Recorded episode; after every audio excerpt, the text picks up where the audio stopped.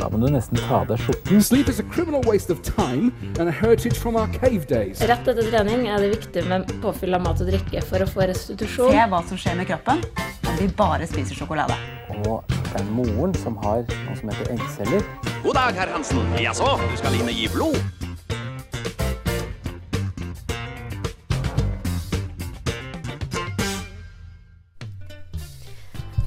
Hjertelig velkommen til ukas episode av Kroppslig på Studentradioen i Bergen. Jeg heter Malin Ofteberg, og med meg i studio har jeg Thea. Og Henrik. Det er bra du er gira. Entusiasmen er stor i dag. Ja, det er veldig viktig. Veldig viktig. På en skala fra én til ti, hvor opptatt er du av kosthold, Thea? Eh, nå har jeg veldig lyst til å være flink medisinstudent og si ti. Men faktum er at jeg er ikke veldig interessert eller engasjert i kosthold. Er det et litt ømt tema? Det hørtes ut som vi traff en, uh, Ja. en nerve her. Jeg er veldig glad i god mat, uh, så det er det jeg er mest opptatt av. At maten min smaker godt. Og at jeg liker å spise den. Men uh, selvfølgelig, jeg er glad i grønnsaker, og jeg er glad i fisk og sånt, så er det greit, det. Ja, eh, for det passer jo Jeg skulle si passer sykt bra, det passer jo kanskje litt dårlig. Men jeg er veldig interessert i kosthold, i hvert fall. da. Ja. Eh, for i dag har vi tema myter om kosthold. Yes. Og det er jo ekstremt masse å velge i her, da. Så eh, vi har prøvd å valgte ut tre stykker som vi skal presentere litt etter hvert. Men jeg er jo, før vi begynner med det her, så er jeg interessert i hvem er du?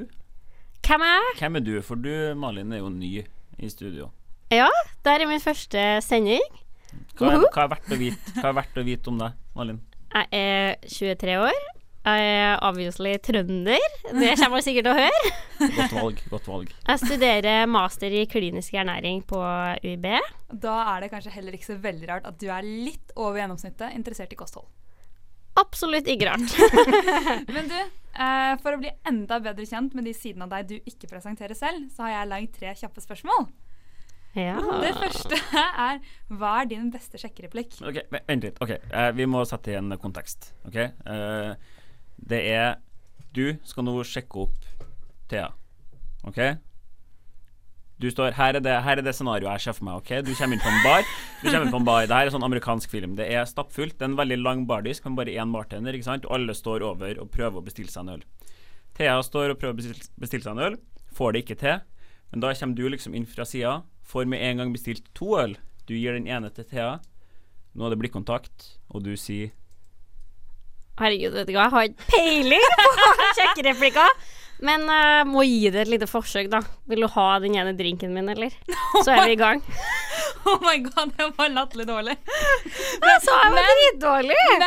Var hadde du latt deg sjarmere? Ja, jeg hadde det. Akkurat! Fordi at Det der er god. Det der er ingen sjekkereplikk, men Der er god. den der er ingen sjekkereplikk, men det er jo eh, en ærlig start og en gratis drink. Akkurat. Og det er sånn som var ærlig, men ikke bra. Jeg satte på ekstremt er dårlig, sjarmerende. men Men vet du hva? Um, Og vi er bare to i baren, så er det kleint å gå når jeg prøver meg. men du, hva er din favorittårstid, Malin?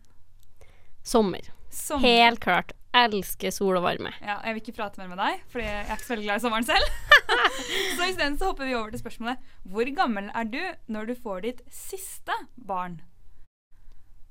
Uh, det var veldig vanskelig. Eh, nå har ikke jeg tenkt Vanskelig, vanskelig. Jeg tenker kanskje 32? 32? Ja. Og hvor mange har du fått da? To? To. Det er to? Eller én. Ok, det er i hvert fall året det er slutt for ditt vedkommende. Hei, jeg heter Søren, og du lytter til Kroppslig på Studentradioen i Bergen.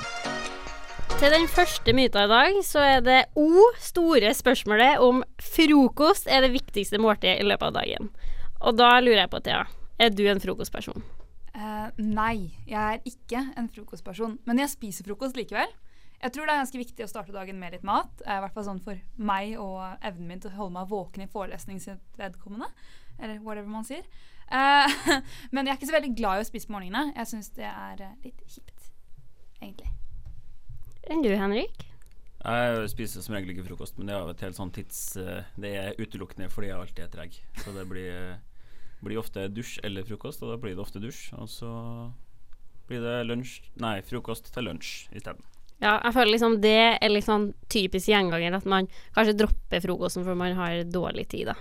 Sjøl er jeg en ekstremt ø, frokostperson. Det første jeg tenker på når jeg våkner, er mat. Lukk opp igjen. Mat.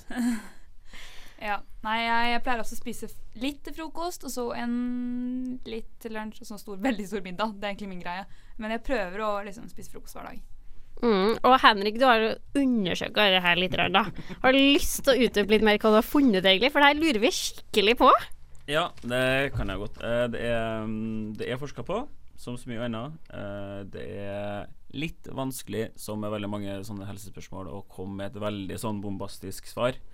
Men eh, Og det er også fordi at noen av de der frokoststudiene er litt dårlige, da. Det er bl.a. ikke noe sånn helt spesifikk definisjon av hva frokost er, når man spiser det. Man har ofte ikke sett på når de spiste sist, om de spiste til midnatt eller om de spiste siste måltid klokka fem kvelden før. Så det er litt sånn eh, Ja. De er litt, litt vanskelig å bruke de forskjellige studiene om hverandre, da. Men uh, man har ikke funnet det som ofte Det mange mener, i hvert fall, er jo at Og BMI er jo ikke et spesielt godt uh, mål på fysisk form og helse, men uh, det er nå engang enkelt å bruke. For mange tror jo at eh, det å ha høy BMI er forbundet med å ikke spise frokost, men det har man egentlig ikke funnet noe helt klare sammenhenger på. Og det er egentlig ikke noe noen sånn helt eh, konkrete resultater der man sier at det å ikke spise frokost fører til dårlig helse. Så jeg vil jo ikke si at jeg vil ikke si at uh, man ikke skal spise frokost, men uh, den har kanskje fått en litt stor Blitt haussa litt vel opp, da. Mm, for jeg tenker litt sånn OK, hva er konsekvensene av å ikke spise frokost, da? Vil man da for eksempel kompensere med å spise mer senere på dagen? Jeg, jeg tror kanskje bare det gjelder hvis du dropper å spise frokost fordi du vil spise mindre. Hvis du dropper å spise frokost fordi du ikke er sulten, så tenker jeg at da spiser du bare når du blir sulten. Mm. Og da spiser du kanskje ikke like mye, men hvis du dropper å spise frokost fordi du har den ideen om at hvis du ikke spiser frokost, så spiser du mindre hele dagen, så kommer du nok til å overkompensere og bare spise mye på neste måltid. Ja, for det er jo dumt, tenker jeg i hvert fall. da At man må jo Men det er jo, det er jo mange som ikke vil spise frokost, men som tvinger seg til å spise frokost. Og det er jo kanskje da litt sånn Ja ja. Man kjenner jo litt, selvfølgelig litt på det sjøl òg. Jeg er ikke noe sånn kjempefrokostmenneske, men jeg kjenner jo at jeg er bedre konsentrert. Fordi det finnes det forskning på, som viser at man er mer fokusert, spesielt i en sånn skolesammenheng. At man er litt mer på. Og, og um, man har gjort studier der Hva heter det? De som har vært med i studien? Forsøkspersonene. Forsøkspersonene. De dagene de har spist frokost, så gjør de det bedre på en del sånn kognitive tester. Eh, og en del sånn ja, hvor, eh, hvor mentalt på de er, da. Eh, kontra de dagene de ikke har spist frokost. Mm, Så det er jo en, det er en positiv følge ved å spise frokost. Ja, og så tenker jeg sånn Hvis du ikke er vant til å spise frokost, så syns jeg at du skal tvinge deg sjøl til å gjøre det. Men at det på en måte Det er jo bevist at du kanskje kan få økt konsentrasjon, sånn som du sa, da. Og at det kanskje man Ja, man må føle litt på hva kroppen er vant til, da. Mm. Så viktigst er på en måte at man kjenner seg sjøl og vet hva man har behov for. Og en frokost det kan jo variere fra klokka fem om morgenen til klokka ti-elleve, sant. Så Ja. Jeg tror også det kommer veldig an på hva du skal gjøre den dagen. For jeg merker at når jeg skal på jobb, da pleier jeg ikke å spise frokost. Men hvis jeg skal ha forelesning eller på lesesalen, da er det veldig viktig for meg å spise frokost. Hvis ikke så får jeg en veldig dårlig start på dagen. Så jeg tror det også er veldig avgjørende. Det Ja. Ja. Hva du skal. Nei, så man eh, Så ja, det er jo Jeg syns det er så dårlig gjort å si at vi skal liksom Vi skal finne ut av alle de her kostholdsmytene, og så jeg svarer litt sånn Nei, man vet ikke helt. Men, eh, men jeg, jeg tror kanskje Eller det de studiene viser, er at man kanskje må se på frokost som et, et vanlig måltid. da At det, på en måte, det er et av de måltidene man spiser. Og f.eks. hvor lang tid det går mellom man spiser kveldsmat og frokost, Jeg, kan man jo Det er jo veldig relevant, selv om det på en måte blir ikke sett uh, så veldig mye på. For uh, vi skal straks høre mer musikk, tror jeg, men eh, vi, blant annet det å spise seint på kvelden er jo også en myte som det og det gjerne er også forbundet, da, sier mange, med dårlig helse, høy BMI. Eh, men det er også noe som kanskje ikke stemmer, eller man har heller ikke klart å finne en like sånn Det er i hvert fall noen nye studier som viser at det å spise de som spiser balansert, og spise litt før man legger seg, så har ikke det den der fryktelig negative helsekonsekvensen som mange, som mange mener at det har. Hei, dette er Thea, og du hører på Kroppslig på Studentradioen i Bergen. Nå fikk vi jo veldig mye informasjon her, eh, men jeg tenker at vi kanskje konkluderer med at eh, hvis du er et frokostmenneske, så er det ikke noe galt å spise frokost. Og det, om du ikke liker å spise frokost, så er det heller ikke noe feil å ikke gjøre det. Eh, men Alt er normalt, alt er lov. Ja, Men, akkurat. men det kan ha enkelte fordeler å spise et måltid før du skal starte med konsentrasjonsarbeid. Da. Ja, så. akkurat. Så for eksempel at man har stabilt blodsukker gjennom hele dagen. Det, sånn sett kan en frokost hjelpe på det, da. Være med å bidra på å holde blodsukkeret stabilt. Så gøy frokost hvis du liker det, og om du ikke liker det, også er veldig greit. Ifølge forskning. Eh, og da tenkte jeg at jeg skulle spørre Henrik om hvor ofte eller hvor mange måltider spiser du i løpet av en dag? Som da er vår neste myte. Mhm. Jeg spiser Skal vi se Nei, det blir jo fort de gang, Det hender jeg rekker frokost, ikke så veldig ofte. Hvis jeg ikke gjør det, så er det da lunsj og middag. Kanskje tre måltider om dagen. da. Ja. Lunsj, litt tidlig middag, og så kanskje noe før jeg legger meg. Akkurat, akkurat. For vi, nå har vi liksom stått og fundert litt på hva er best av å spise. Typ Henrik, tre eh, store måltider dagen. Eller typ meg, eh, fire store måltider dagen. Altså typ sånn to mellommåltider. Hva er egentlig det beste? Hva tror du, Thea? jo, Hva, tror, hva tror du er best av meg, Malin? Nå er jeg spent på å høre. oh. Velg meg, velg meg, Nei, velg meg. nå, nå skal jeg nå da Ikke velg henne bare fordi hun er ny. jeg, jeg må jo nå ærlig innrømme at jeg så på dette i et perspektiv ingen av dere trenger hjelp med, og det er hva er best av store, mange små eller få store måltider om du ønsker å gå ned i vekt. Aldri så aldri at vi ikke ønsker det. Ah, Koselig, altså. Nå er det Ja. god stemning her. Ja. Nå, Det eh, var, fint, det var fint at du ikke tenkte at vi trenger det, da. Det er jo Yes. veldig positivt for oss, ja. Henrik. Men i hvert fall, Uh, det er jo en myte som lever i absolutt beste velgående, at den mest effektive måten å gå uh, ned i vekt på, er å spise mange små måltider i løpet av dagen, type hver tredje time. Og forskningen er nok en gang veldig nja på om det er en god idé eller ikke. Uh, faktum er at det er gjort det er gjort mye forskning på dette uh, gjennom alle år. Men den nyere forskningen nå viser at det er ingen nevneverdig forskjell i kaloriinntaket ditt samlet i løpet av dagen om du spiser tre store måltider eller seks til åtte små. Eller da tre store og to mellommåltider. Jøss, det var veldig interessant, da. Ja. At det ikke har, eh, egentlig ikke har så stor betydning. Men det er jo da utelukkende på kaloriinntaket ditt. Ja. Um, så det er jo mange andre Og om du skal ned i vekt. Og, ja, og hvis du skal ned i vekt. Men det har jo andre positive effekter ved å spise oftere, hvilket jeg er veldig dårlig til, så det her var litt sånn kjipt for meg. Men uh, du får jo større svingninger i blodsukkeret hvis du, hvis du går lang tid mellom hver gang du spiser mat. Særlig hvis du da spiser mye raske karbohydrater. Så, eh, Henrik. OK, ok, ja vel. Det er rottes oss sammen. Nei da, men det kan godt være Nei. Talsperson for raske karbohydrater. Greit. og få måltider. Og mye raske karbohydrater, få måltider. Men ja, eh, svingningen i blodsukkeret er helt klart den største forskjellen på å spise mange små og få store måltider. Eh, men det igjen har ikke en sånn klar innvirkning på vekten engang. Så det er klart 100% en myte at den mest effektive måten å gå ned i vekt på, eller den mest effektive måten å kontrollere sin, porsjonsstørrelsen på, er å spise få, få Nei, fuck.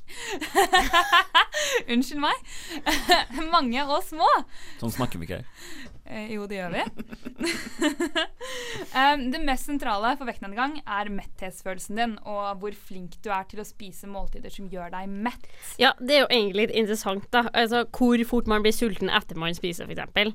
For jeg tenker, hvor ofte du spiser, handler jo litt om hvor mye du spiser, og absolutt om du er mett eller ikke. Sånn som du sa, da, det viktigste er at man blir mett av det man spiser. Kanskje ikke hvor ofte man spiser, eller hvor mye, men at man begrenser seg til at man føler at man er mett. Og da kan det ofte være lurt når man sitter og spiser et måltid, at man faktisk lar det gå 20 minutter for å kjenne på at man er mett, da. Mm. Men ja, uh, dette med metthetsfølelse er klart det viktigste når det kommer til vektnedgang.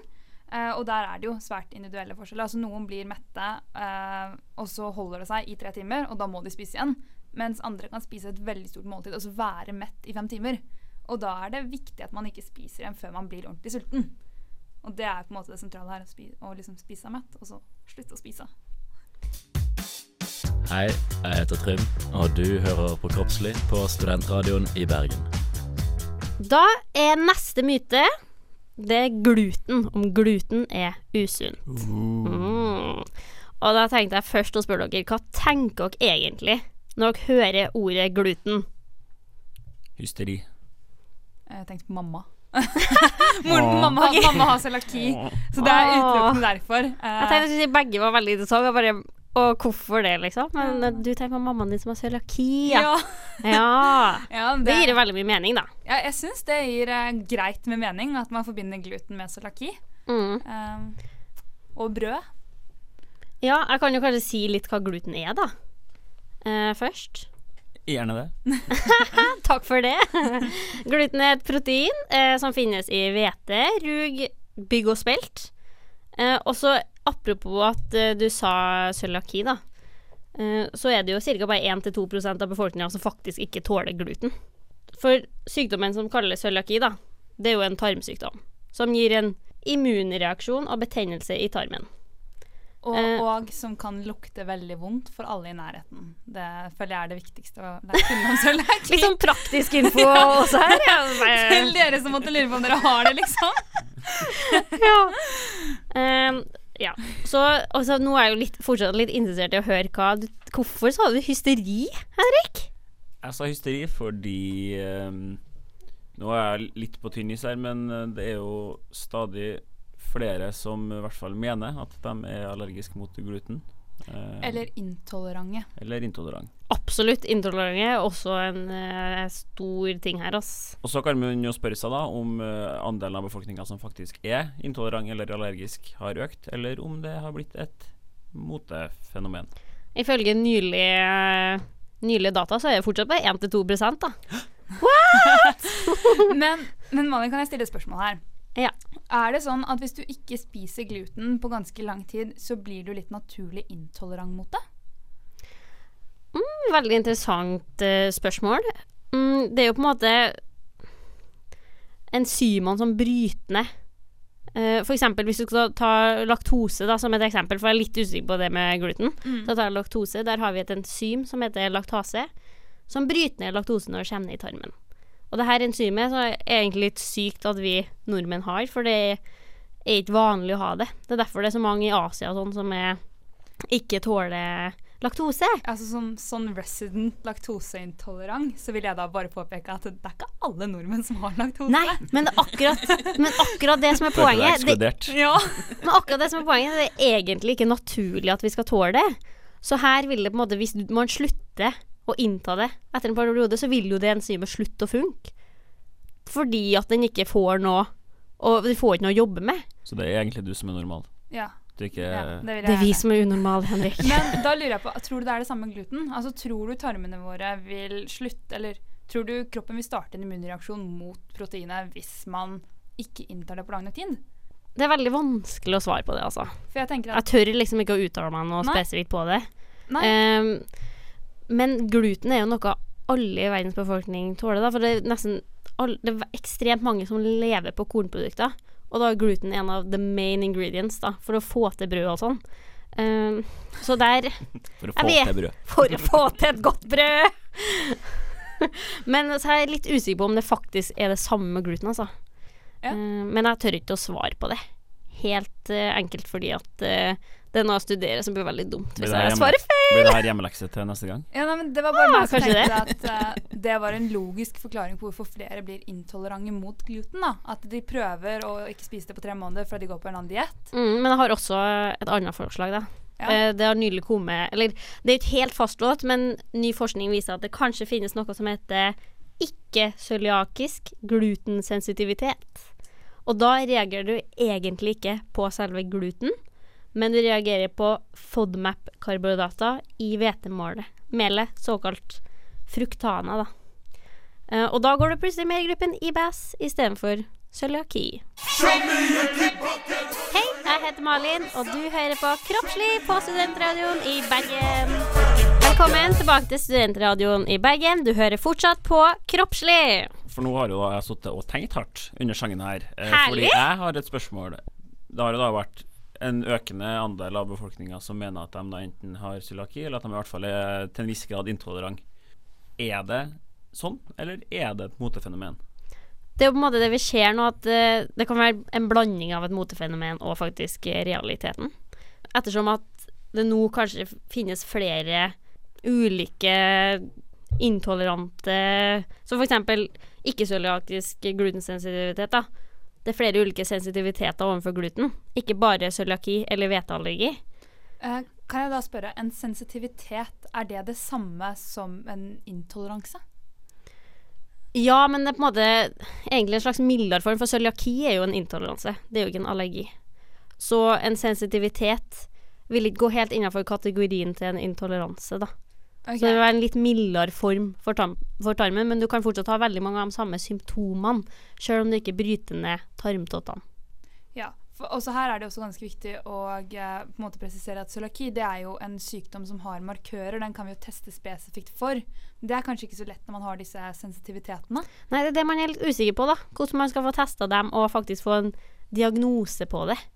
Og det er jo ekstremt mange som begynner på glutenfri diett, og så går de til fastlegen for å teste seg. Og når du allerede går på en glutenfri diett, så vil ikke du få opp de markørene.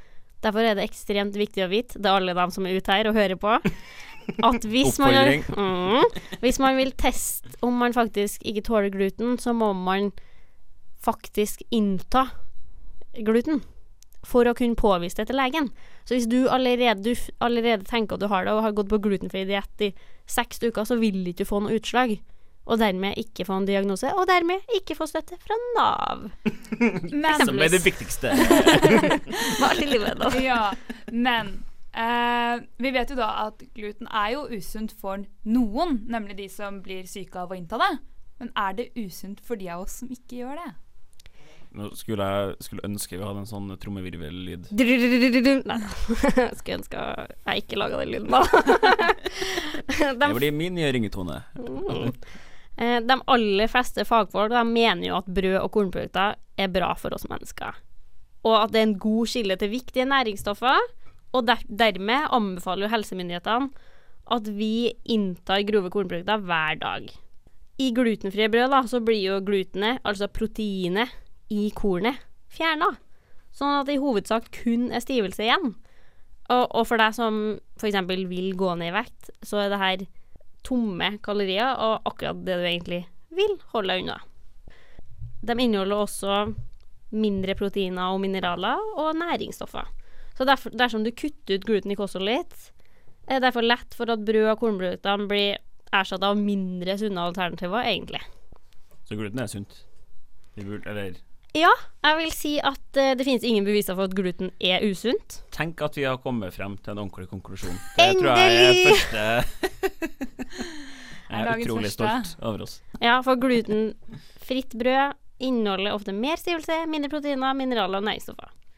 Og det kan der og da derfor være mindre sunt enn vanlig brød. Det er jo dyrere, ikke sant? Det er dyrere, og så er det i stor grad basert på ris, mais, potet eller hvetestivelse.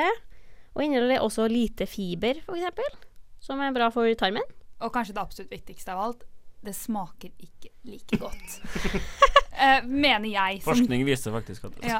Men det skal sies da at hvis du er flink til å bruke de mer næringsrike, glutenfrie kornslagene da, som et alternativ For altså, det krever jo mer bevissthet og innsats også, da.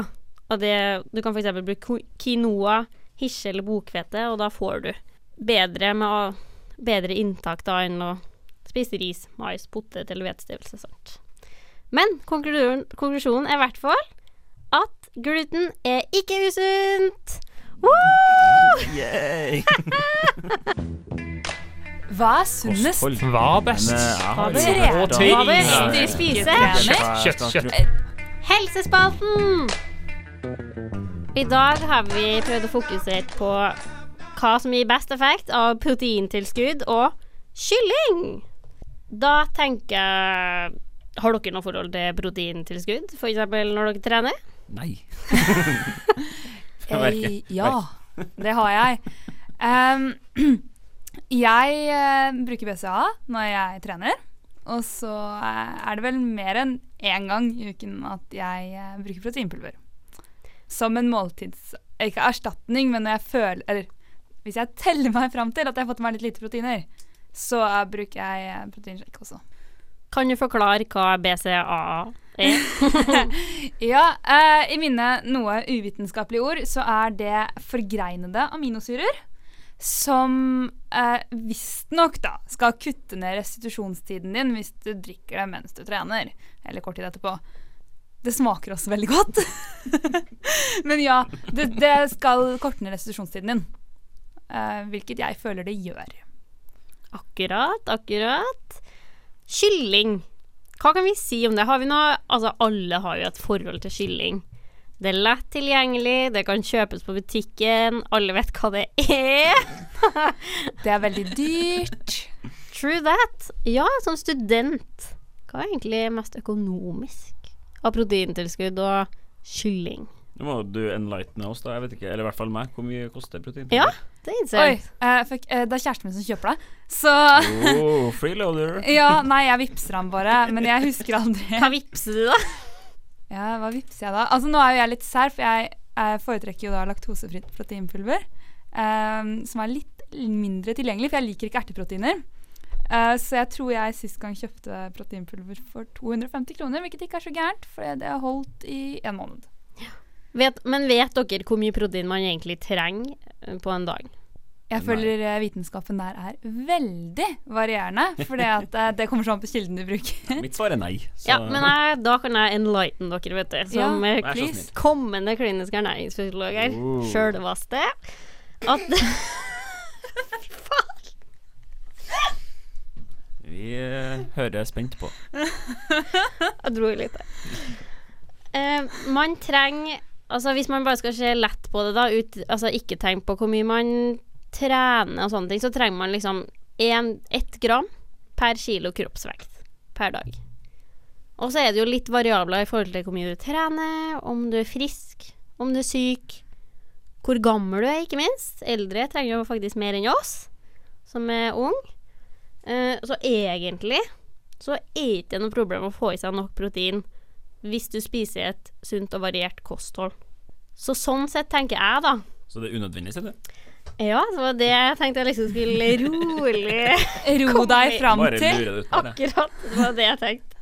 Det er litt sånn dyrt å kjøpe proteintilskudd for å bare tisse det ut igjen.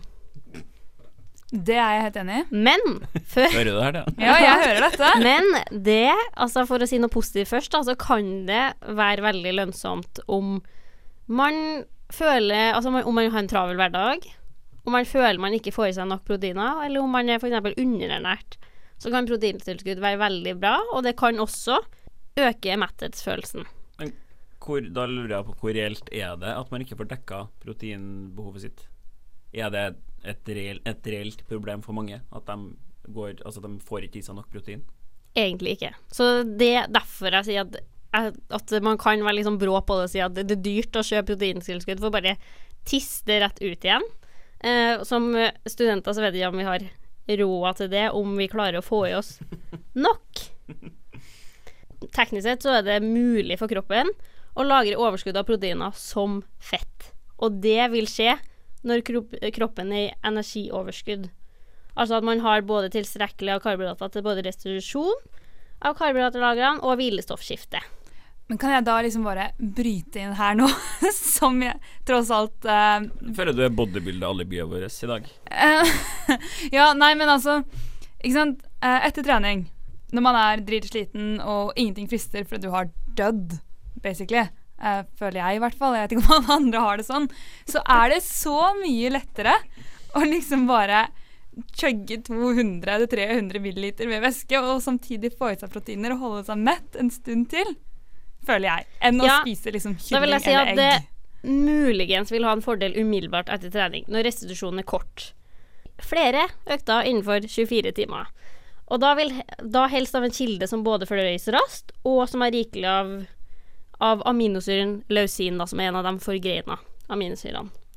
Men proteintilskudd utover det her har ingen effekt i forhold til ordinær mat. Snarere kanskje tvert imot.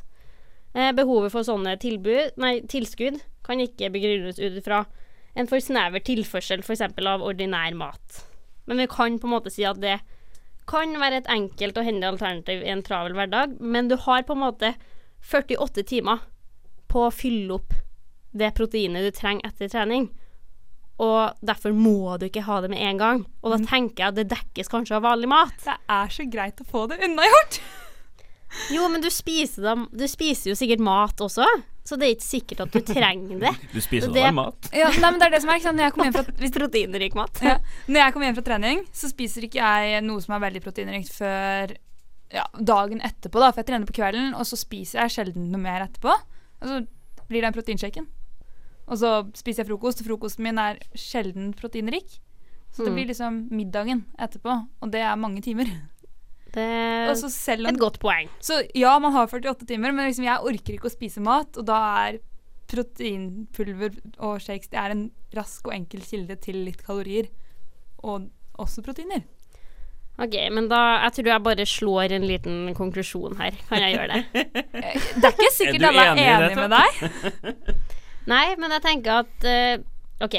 Dersom proteintilskudd da brukes som den primære kilden til proteiner, da, og eventuelt, som du sier, kanskje erstatte flere av dagens vanlige måltider, så kan man faktisk risikere feilernæring. Så jeg vil, ikke ja, vil egentlig ikke anbefale. Og proteinet sin naturlige kilde, da, som kjøtt, altså kylling, egg, fisk eller andre meieriprodukter, de gir ikke bare proteiner, men de gir også andre viktige næringsstoffer og vitaminer og mineraler, og det finner du i ordinære proteintilskudd, der du kun får høykonsentrert tilførsel av proteiner. Så derfor vil jeg si at vanlig mat, kylling, kanskje gir best effekt. Altså Som sagt, jeg elsker å spise mat, så jeg gjør veldig mye av det òg. Men det er ikke feil å bruke proteintilskudd heller. Altså, det kan være en fin ting å ha i løpet av dagen, og som sagt hvis man er på farta og sånne ting. Så Men kylling er best. Vanlig mat Da er har vi jo best. dagens andre konklusjon. da. Det er jo helt fantastisk. Ikke verst, ikke verst. Hei, jeg heter Henrik, og du hører på Kroppslig på Studentradioen i Bergen. Velkommen tilbake til Kroppslig på Studentradioen. Nå er vi on the road to wrap it up, tenker jeg. Konklusjonen. Veldig interessant i dag, tenker jeg. Forskning når det kommer til mat og helse er vanskelig, tror jeg vi kan konkludere med. Det er vanskelig å jobbe innenfor et fastsatt uh, sett med parametere. Det er vanskelig å rekruttere forsøkspersoner som er villige til å jobbe innenfor strenge rammer. Så bare, det er veldig vanskelig å finne data på dette. Så det, jeg tror det er veldig viktig at man går litt etter hva som føler er godt for kroppen din, og hva du føler hjelper deg. Ja, og så er det vanskelig fordi det som er, eller det som er vanskelig, er at det det, er, det er ikke så lett å se f.eks. det her med frokost. da Og få, Er man sikker på at de resultatene man får, er pga. frokosten? Eller er det fordi man sover forskjellig, fordi det er forskjellig alder på dem som er med i eksperimentet? Sant? Det er masse sånne greier som når man har forsøk, da, hvis man vil kalle det, med mennesker, så er det veldig vanskelig å avgrense de tingene man måler. Så man, det er veldig vanskelig å være sikker på at ja, det her skyldes mat, ikke søvn. For det vet man jo aldri. Nei, og så tenker jeg at det er jo litt sånn Det å spise frokost, om det er sunt eller ikke også, det handler litt om hvilken type person du er, da. Kanskje spiser du frokost fordi at du er sunn og du føler det er viktig å ha alle måltidene, og at man spiser jevnt gjennom hele dagen. Eller så dropper man frokosten fordi at man er trøtt, man er sliten, kroppen er ikke i gang før klokka ti, så det er unaturlig å spise tidligere, for man bare blir kvalm og uggen av mat tidlig på, på morgenen. Det var litt dårlig konklusjon med det med frokost, da. Men gluten, der var det jo for første gang en ordentlig, en ordentlig konklusjon. Ja, at det verken er farlig eller usunt å spise. Og Så lenge du er frisk. Det er, jeg føler det er litt viktig å presisere at hvis du faktisk ikke tåler gluten, så Ja, da- skal du ikke spise det. da er det det. definitivt ikke lurt å spise bare for at vi sier det er sunt. Don't do that, guys. Det sier jeg bare. Eh, men måltidsrytme, der sliter vi litt med å finne en konklusjon, og det tror jeg fordi at det er så mange ulike variabler som spiller inn der òg, og det er vanskelig å finne noe hva som kanskje er best for oss normale, eh, funksjonelle, friske personer som ikke vil ned i vekt. Ettersom at kanskje ikke det er så interessant å forske på det, da. For at det ikke er en sånn hypa ting som slanking er, for eksempel. Altså, jeg tror det viktigste uansett er at du spiser til du er fornøyd med det du har spist. Altså at du spiser til du er mett i kroppen din, ikke lenger skriker etter mat. Ja, så konklusjonen er på en måte Føl på kroppen din, spis når du er sulten, ikke spis når du er mett. Og prøv å ha Og ikke minst, kanskje prøv å ha måltider på 20 minutter, så du faktisk får føle på den metthetsfølelsen, og eventuelt tenk på er jeg sulten nå, eller kjeder jeg meg? Oh. Mm, absolutt en god ting. Relevant.